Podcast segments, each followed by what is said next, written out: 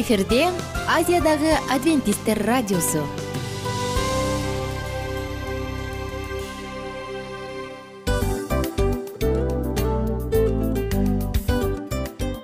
Достор салют.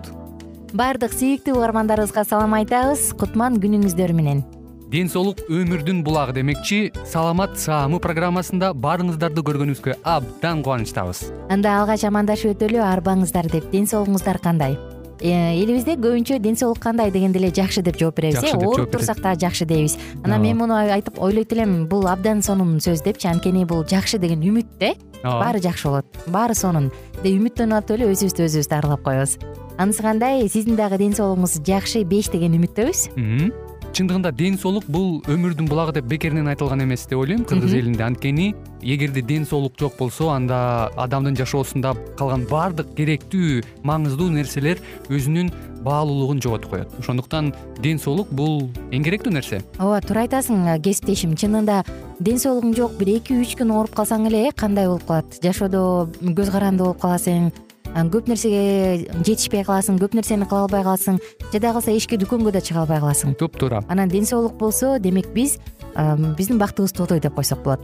Анда достор саламат саамы рубрикабызды баштайлы. Алдыда өзүңүзгө керектүү болгон сонун кеңештерди уга аласыздар. Мына ошондуктан биз менен бирге болуңуздар. Ал эми биз болсо милан жана айнура. Кеттик алга. Алга саламат саама ден соолуктун жарчысы. Саламат саама ден соолуктун ачкычы. Күн сайын сиз үчүн мыкты кеңештер сонун жаңылыктар кызыктуу фактылар биздин рубрикада.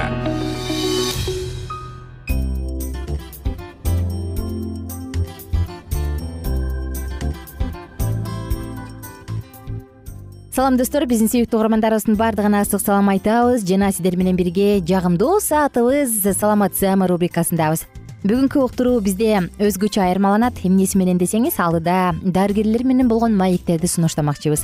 Сөзсүз түрдө достор адамдын ден соолугу биринчи байлык. Муну ар бирибиз билебиз. Адам өзүнүн ден соолугу үчүн баардыгын кылат.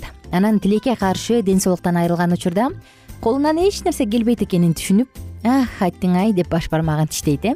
Муну көбүнчө ата апаларыбыз чоң ата чоң энелерибиз ай балам жаш кезде ден соолукту карма бутуңа жылуураак кий деп мага көп айтышачу эле да ушинтип менин чоң ата чоң энелерим. Башыңда жылуу кийин кышында жылаң баш жүрбө үшүп каласың.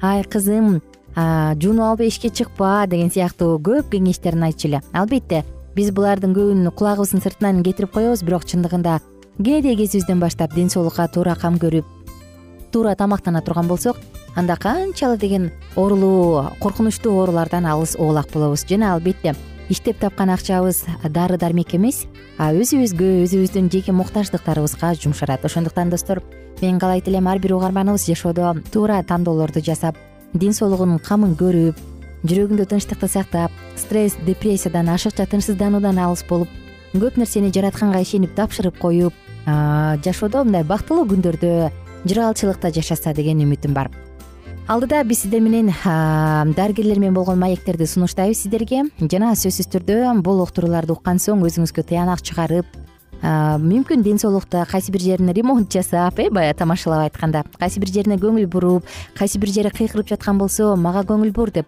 ага көңүл буруп коюу абдан зарыл. Ошондуктан каалайт элем достор. Оорубаңыздар өзүңүздөрдүн саламаттыгыңыздарга кам көрүңүздөр деп жана сөзсүз түрдө өзүңүздөрдү сүйүңүздөр деп анда алдыда сиздер үчүн жагымдуу маек жана сонун сонун маалыматтар булардын баардыгы сиздер үчүн. Саламат саама рубрикасы тыңдап жатканыңыз ар бир угармандарына ар бир угарманыбызга мыкты маанай жана сонун көңүл жана түшүнүктүү маалыматтарды сунуштайбыз. Биз менен бирге болуңуздар анда эмесе алдыны көздөй жөнөдүк саламатсыздарбы биздин көрүүчүлөр. Жалпыңыздарга салымычтуу саламды айтып кызматыңызды баштаган мен айнура миназарова.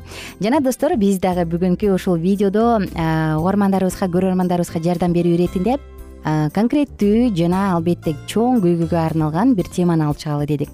Э, сөзсүз түрдө бул теманы ачып бериш үчүн бизге коногубуз керек. Коногубуз болсо бүгүнкү эне жана баланы коргоо улуттук борборунун педиатр аллергологу туратбекова калия туратбековна саламатсызбы саламатчылык маанайыңыз жакшыбы абдан жакшы. Көргөнүмө абдан кубанычтамын сизди төрүбүздөн.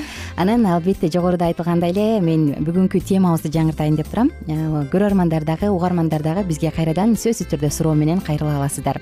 Бүгүн бул суроонун тегерегинде карап көрөлүчү. Ымыркайда кичинекей жаңы төрөлгөн балада аллергия болбош үчүн ага кандай кремдерди кандай айнаны колдонуш керек кандай майларды колдонуш керек? Анткени өзгөчө биринчи төрөгөн энелер билбейт э? Мисалы мурун угуп угуп баарын ой тим эле укмуш деп эксперимент жүргүзүп кимдир бирөөндө анан өзүнчө эле баарын билем деген менен реалдуу түрдө бала төрөгөндө эч нерсе билбей калат го. Анысы кандай? Мындай учурда сиз жаш энелерге кандай кеңеш бересиз жаш энелерге кандай кеңеш э, берип кетейин дейм бул биринчи учурда диета. Анткени баланын денесинин немеси абалы көбүнчө энеден эле неметет да. Эне эне анткени эмчек менен сүтүн берет. Ошол үчүн денеси кургабаш учурунда кандай кийимдер менен колдонуш керек баланы? Бул мындай синтетикалык эмес жалаң дем ала турган. э, дем ала турган кийимдерди балага кийиш керек. Баланы өтө ысык кармабаш керек. Баланын өзүнүн температурасы болот температурасына жараша жана үшүп кетти деп аябай баланын прям үстүнө дагы кийимдер аябай көп чүңкөп кийим салышат анан кийин бала тердеп баштайт тердегенден кийин анан кийин жанакы ысыктар дагы чыгып башташат да. Ошол учурга алып келбей баланы мындай жеңил кармаш керек да. Анан кийин көркүлөр деле бар жана үшүп кетет деп коркушат да ата энелерчи ушүсө эле ооруп калат деп ушүсө эле ооруп калат деп калат да. Жок андай эмес. Баланы канчалык жеңил кармасаңыз бала дагы өзүн жеңил кармайт да жеңил жүрөт анан кийин жанакы кандай эмне колдонсо болот көбүркү ата энелер балдарды жанакы ромашка менен жуунтушат календула череда деген бар тузга деле жуунтушат да.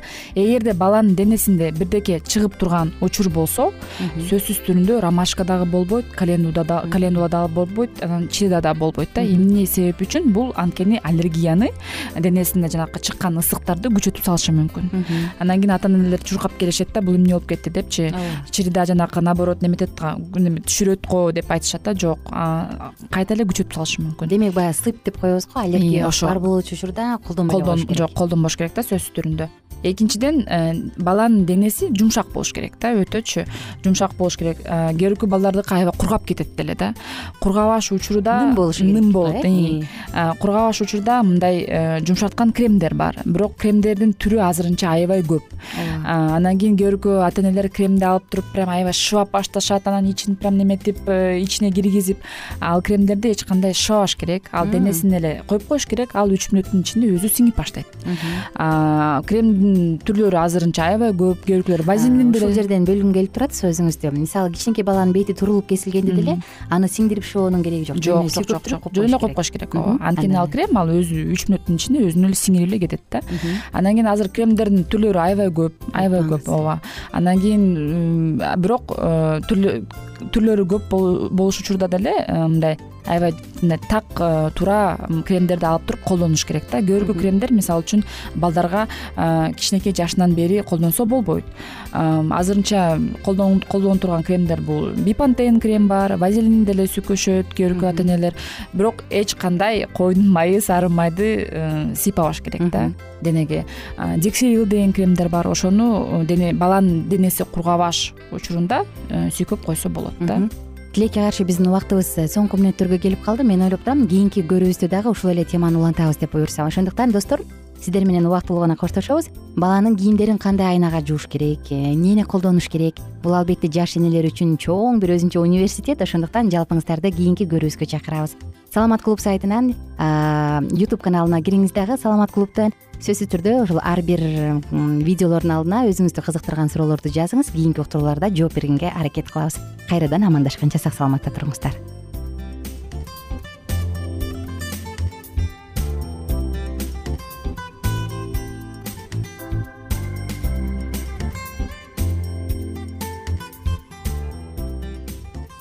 Кененирээк маалыматтар үчүн үч w чекит саламат чекит клуб сайтына келип таанышыңыздар жана андан тышкары социалдык тармактарда youtube facebook жана instagram баракчаларына катталыңыз.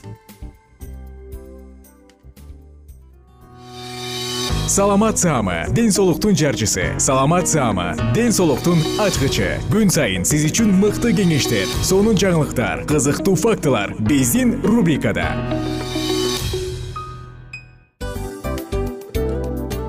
Салам достор кайрадан биздин сүйүктүү рубрикабызга кош келиңиздер деп айтмакчыбыз.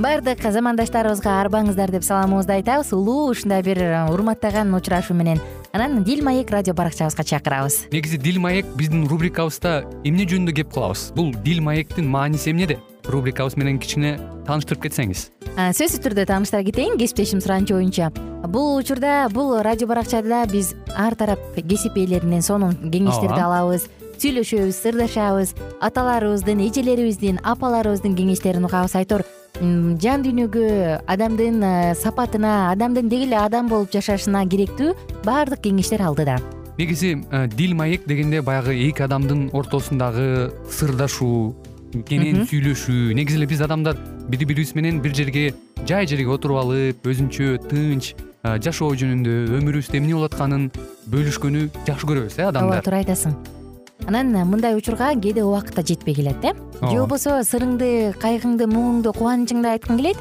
а адамга ишенбешиң мүмкүн. Ооба. А бул радио баракча угармандарыбыздын чыныгы досу. Анткени бизден алган кеңеш сиздин жашооңузга чоң жардам берет.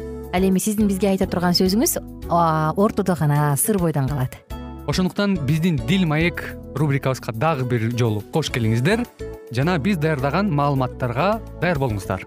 Айнура жана милан сиздер менен бирге алдыга кеттик ар түрдүү ардактуу кесип ээлеринен. Алтын сөздөр жүрөк ачышкан сыр чачышкан сонун маек. Дил маек рубрикасында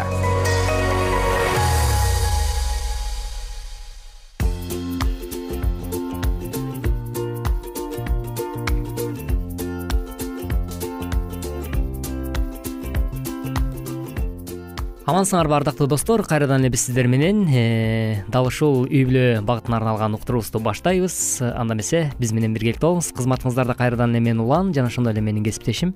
Айнура ушу менин атымды айтканда эмнеге коркосуң да билбейм. Токтоп каласың менин атыма келип элечи. Анткени сүрдүүсүң да салам достор. Жалпы биздин сүйүктүү угармандарыбызга салам айтабыз дагы. Сиздер менен бирге жагымдуу саатыбызды баштадык. Бул дил маек рубрикасы. Жана бүгүнкү темабыз дагы абдан сонун э биз бүгүн ооба. жубайлар бири бирин өзгөртө алышабы деген теманы алып чыгууну чечтик. Кантсе дагы бул баягы биз көбүрөөк мамилелерге арналган рубрикада болгондуктан биз глобалдуу жубайлардын мамилесин дагы бир жолу көтөрүп чыгууну чечтик. Ооба сөзсүз түрдө андыктан достор дал ушул мүнөттөрдө бул уктуруу сиздер үчүн дагы сөзсүз түрдө кызыктуу болот деген ойдобуз. Анда эмесе биз менен болуңуз ошондой эле достор жана сөзсүз түрдө баягы жубайлар бири бирин өзгөртө алышабы дегенде үй бүлөлүк тажрыйбасы көбүрөөк кесиптешимден сурагым келип турат. Сенин оюң менин оюмча албетте эгерде кандай десем негизи бири бирин өзгөртө албай калышы да мүмкүн.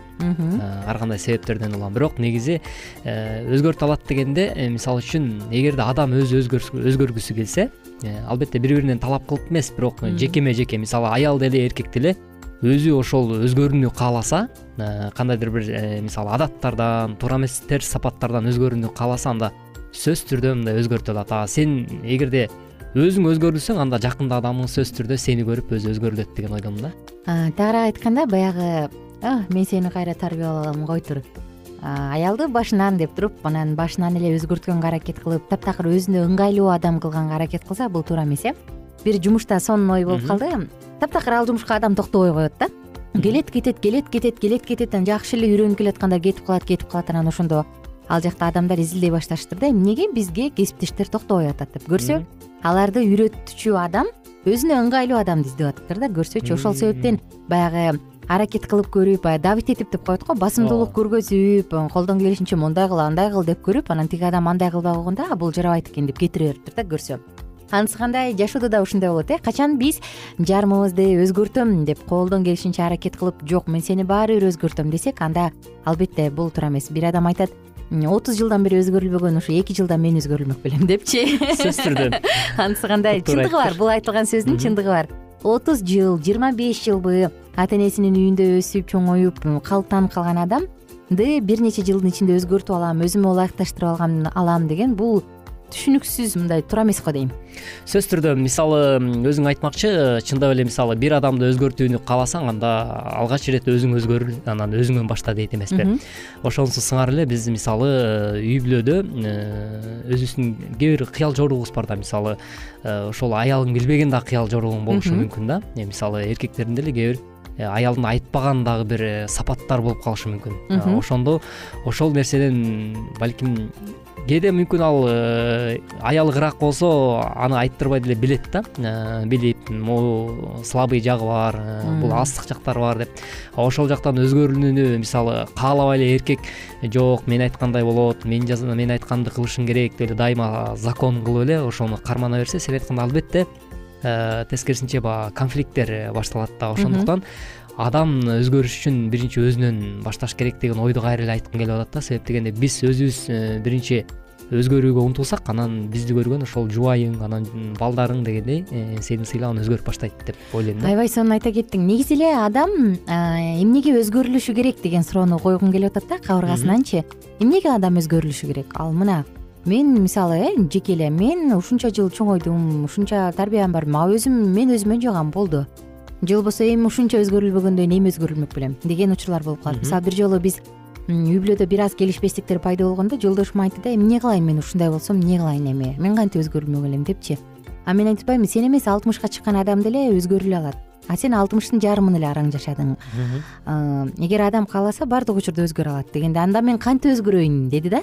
А мага абдан бул суроо жакты аны сен өзүң изилденишиң керек кандай болуп өзгөрүлүшүм керек да? Мен анан мен ойлоп калдым да биз адамдын өзгөрүлүшүн өзүбүзгө ылайыктап каалай баштайт экенбиз депчи мисалы мен жолдошумдун мага көңүл көбүрөөк көңүл буруп көбүрөөк сүйлөшүп көбүрөөк мындай ачык айрым болушун каалагандыктан өзгөрүлүшүн каалайт экенмин да.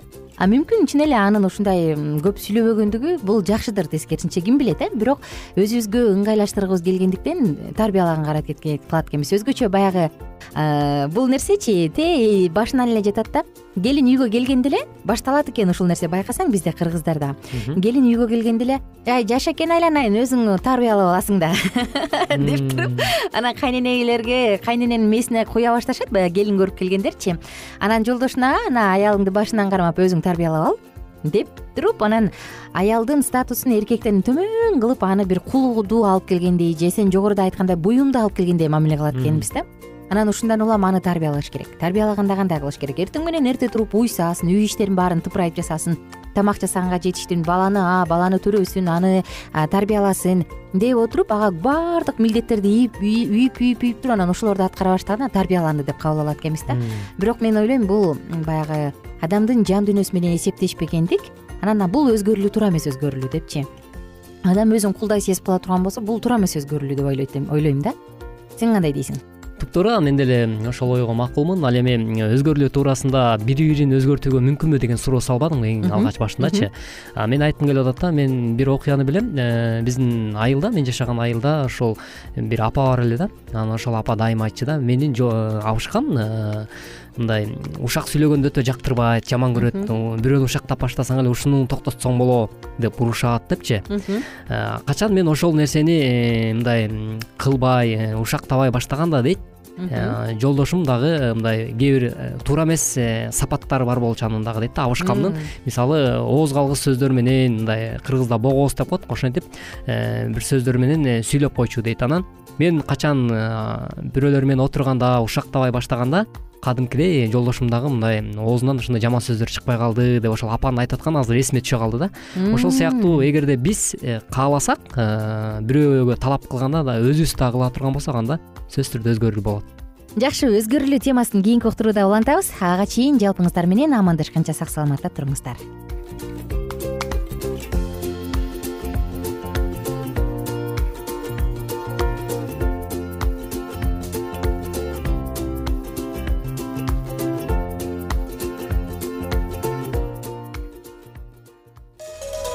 ар түрдүү ардактуу кесип ээлеринен. Алтын сөздөр жүрөк ачышкан сыр чачышкан сонун маек. Дил маек рубрикасында.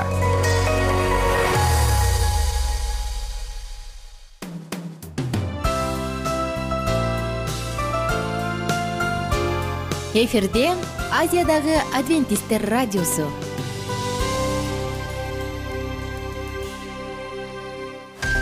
жан дүйнөңдү байыткан жүрөгүңдү азыктанткан жашооңо маңыз тартуулаган жан азык рубрикасы.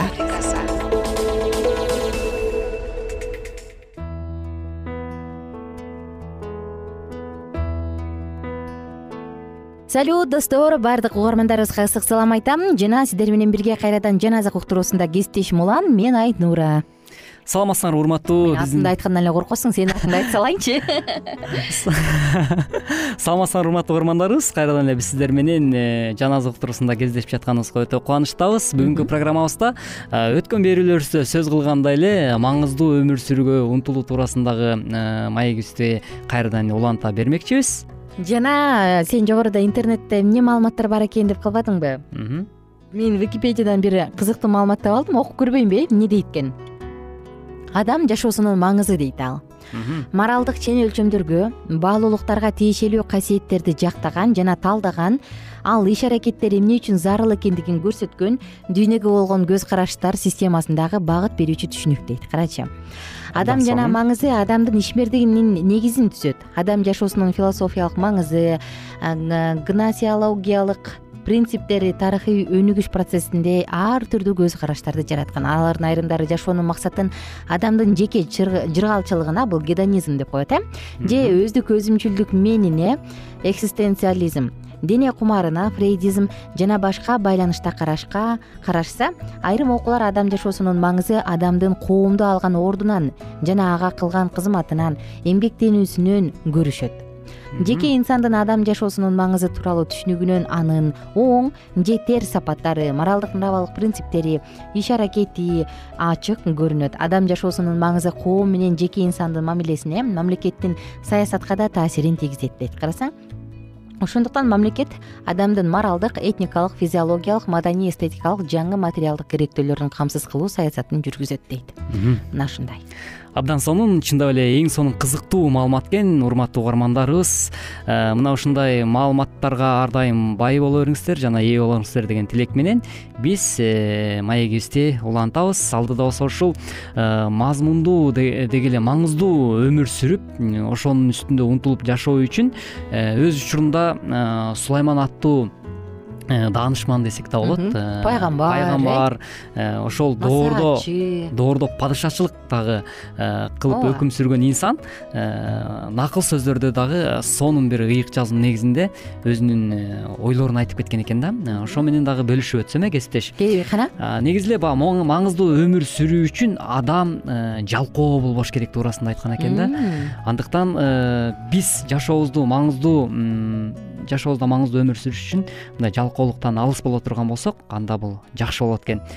Анда эмесе жалкоолорго карата мындай деген кеңешин берген экен э, сулайман жалкоо дейт э, кумурскаларды кара дейт э, алардын иш аракетин көр дейт алар дейт мындай нанын дейт акылмандылык менен мындай таап жешет деген э, нерсени айтыптыр да. Алардын башчысы да дейт э, көзөмөлчүсү дагы өкүмдары да жок деген экен да. Бирок алар өздөрүнүн ишин дейт. Башкача айтканда өзлөрүнүн нанын жайында камдап алышат. Өздөрүнүн азыгын оруу жыюу маалында жыйнап алышат дептир да демек бул жерде деген ошол кумурскаларга салыштырып атат да жалкоо адамдычы жалкоо адамды жалкоо адам карачы кумурскалардан мындайча айтканда үлгү алсаң боло деген маанини айткысы келген экен да.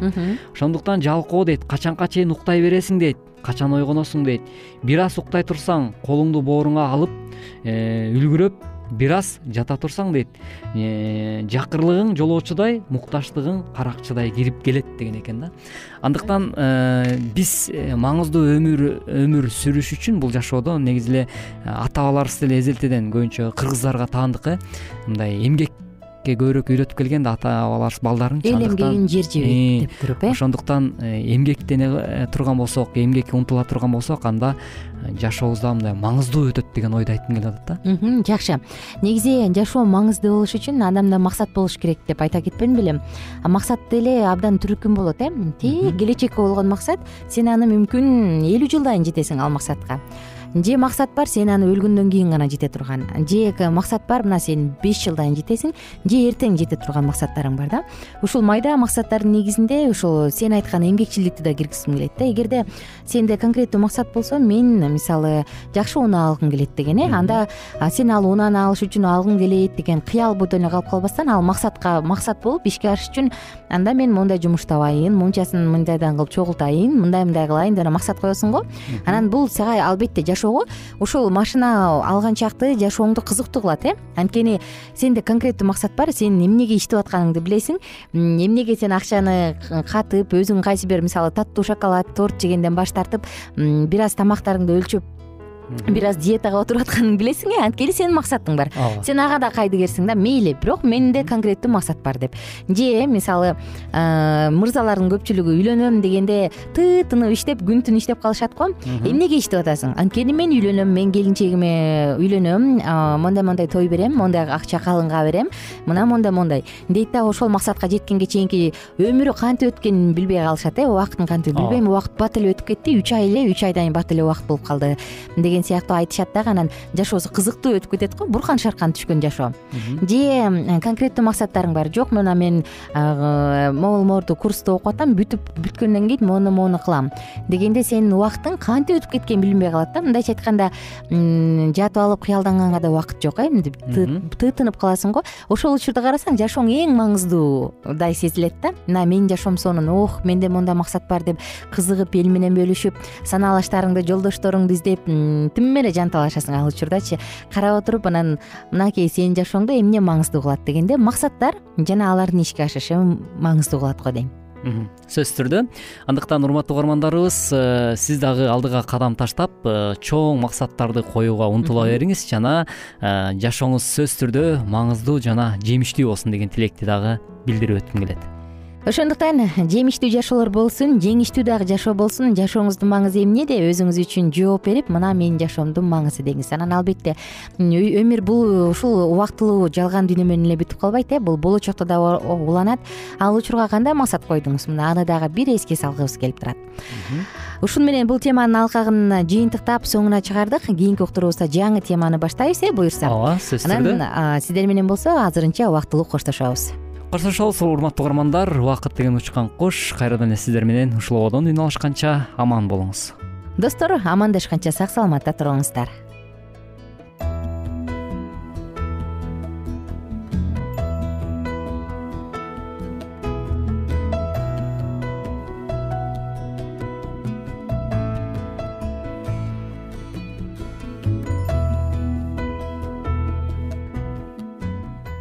эгер сиздерде суроолор болсо же көбүрөөк маалымат билем десеңиз анда биздин whatsapp номерибизге жазыңыз. Плюс бир үч жүз бир жети жүз алтымыш алтымыш жетимиш. Кайрадан плюс бир үч жүз бир жети жүз алтымыш алтымыш жетимиш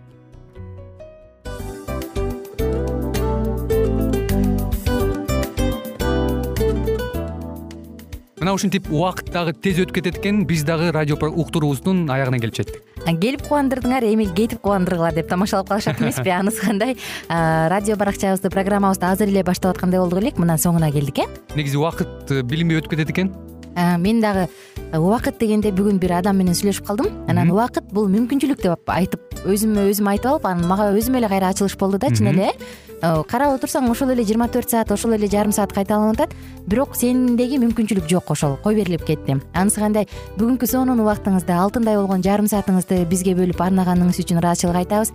Анан жашооңуздун кайсы бир сферасын өзгөртө турган сонун пайдалуу кеңеш алган болсоңуз анда биз максатыбызга жеттик. Анан ушул нерсени кылбасам десеңиз ошол өзгөрүүлөрдү кичинекей кадамдардан баштап иш жүзүнө ашырыңыз дагы жашооңузда чоң чоң ийгиликтерге жетиңиздер. Чын жүрөктөн ар бир берилген кеңештер сөздөр сиздерге пайдасын алып келет деп ишенебиз. Жана кийинки уктурууларда сөзсүз түрдө чыдамсыздык менен сиздерди күтөбүз. Сагынычтуу салам айтып кайрадан дал ушул жыштыктан баардыгыңыздарды тосуп алганча кызматта мен айнура жана кесиптешим милан анда кол булгалайбыз жалпыңыздарга ийгиликтүү күн.